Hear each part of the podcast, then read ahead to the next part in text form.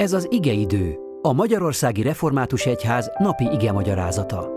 A mai bibliai ige szakaszról Csoma Áront, a Pilis Csabai Református Gyülekezet lelkipásztorát hallják.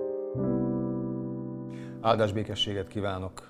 Ezen a mai napon Isten igéje az apostolok cselekedetéről írott könyvben szólal meg.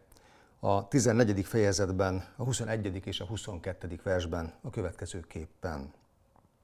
Miután hirdették az evangéliumot ebben a városban, és sokakat tanítványát tettek, visszatértek Lisztrába, Ikóniumba és Antióhiába.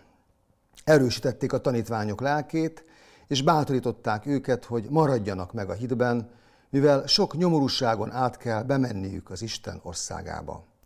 Bátorították őket, a hit, hogy maradjanak meg a hitben, mivel sok nyomorúságon át kell bemenniük az Isten országába. Amen. Ami igeértésünk és egész napunk a megáldása az Úr nevében van, aki teremtette az eget és a földet. Amen. Ennek a mai néhány versnek azt a címet adtam, hogy maradjatok meg a hitben, mert több az élet. Maradjatok meg a hitben. Először azért, mert két világ a miénk.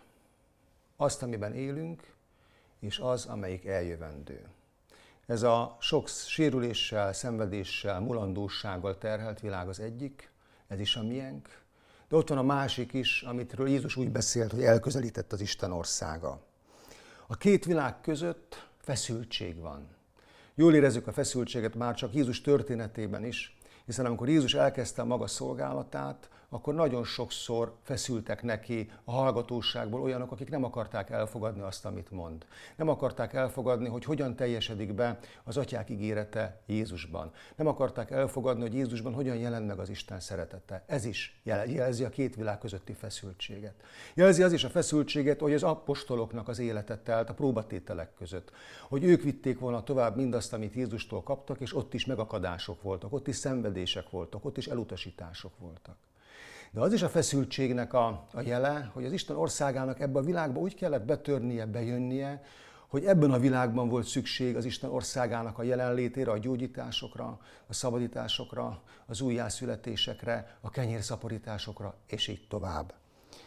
A tanítványok jól ismerték ezt a két világot, hiszen ismerték önmagukat, ismerték saját töredezettségüket, törékenységüket, rész szerint való voltukat, ismerték a bűnt, és ismerték Isten kegyelmét és szeretetét. Úgy tekintettek a világra, hogy bizony ez egy olyan szántóföld, amiben azért fel lehet fedezni a gazdagságot hozó kincset, Isten igéjét. Ami összeköti a jelent és a jövőt, ami összeköti a jelen való világot és az Isten országát ebben a világban, itt most egy szó szerepel, tudjuk, hogy a korintus levélben ott van még más is, ez a hit.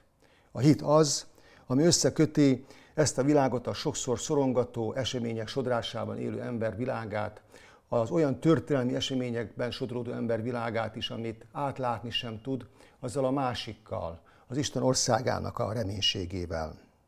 Aki mindezt látja és átéli, az elkezdi megtanulni a hittel, hogy a maga sodródásában a megbízhatóra, az igazán megbízhatóra rendezést tegye az életét.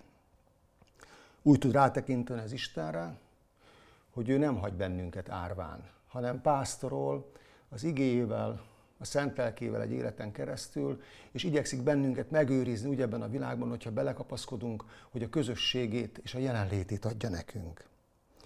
A világ várja azokat az embereket, akik hitben járnak. Mert a hitben járó ember mások számára azt mutatja, hogy ebben a világban él, de nem ebből a világból ebben a világban él, de a túlnaninak, az Isten országának az erőforrásaiból él. Aki hitben marad, az mások számára is össze tudja kötni ezt a, ezt a mulandó világot az eljövendővel, Isten országával. Aki ma hisz, annak jövője a változhatatlan Istenben van. Ezért hangzik ma is mindenki számára bátorítóan és hívogatóan, az üzenet, amit akkor az apostolok mondtak, maradjatok meg a hitben, az Istenbe vetett bizalomban. Maradjatok meg abban a hitben, ami az Istenben hisz, az Atyában, ami Jézusban hisz, a megváltó, szabadító fiúban, abban az Istenben, aki elküldte a szent lelkét, aki által meg tudjuk tapasztalni Isten jelenlétének a biztonságát ebben a világban, és azt, hogy nem csak ennyi az élet, mert két világ a miénk. Ámen.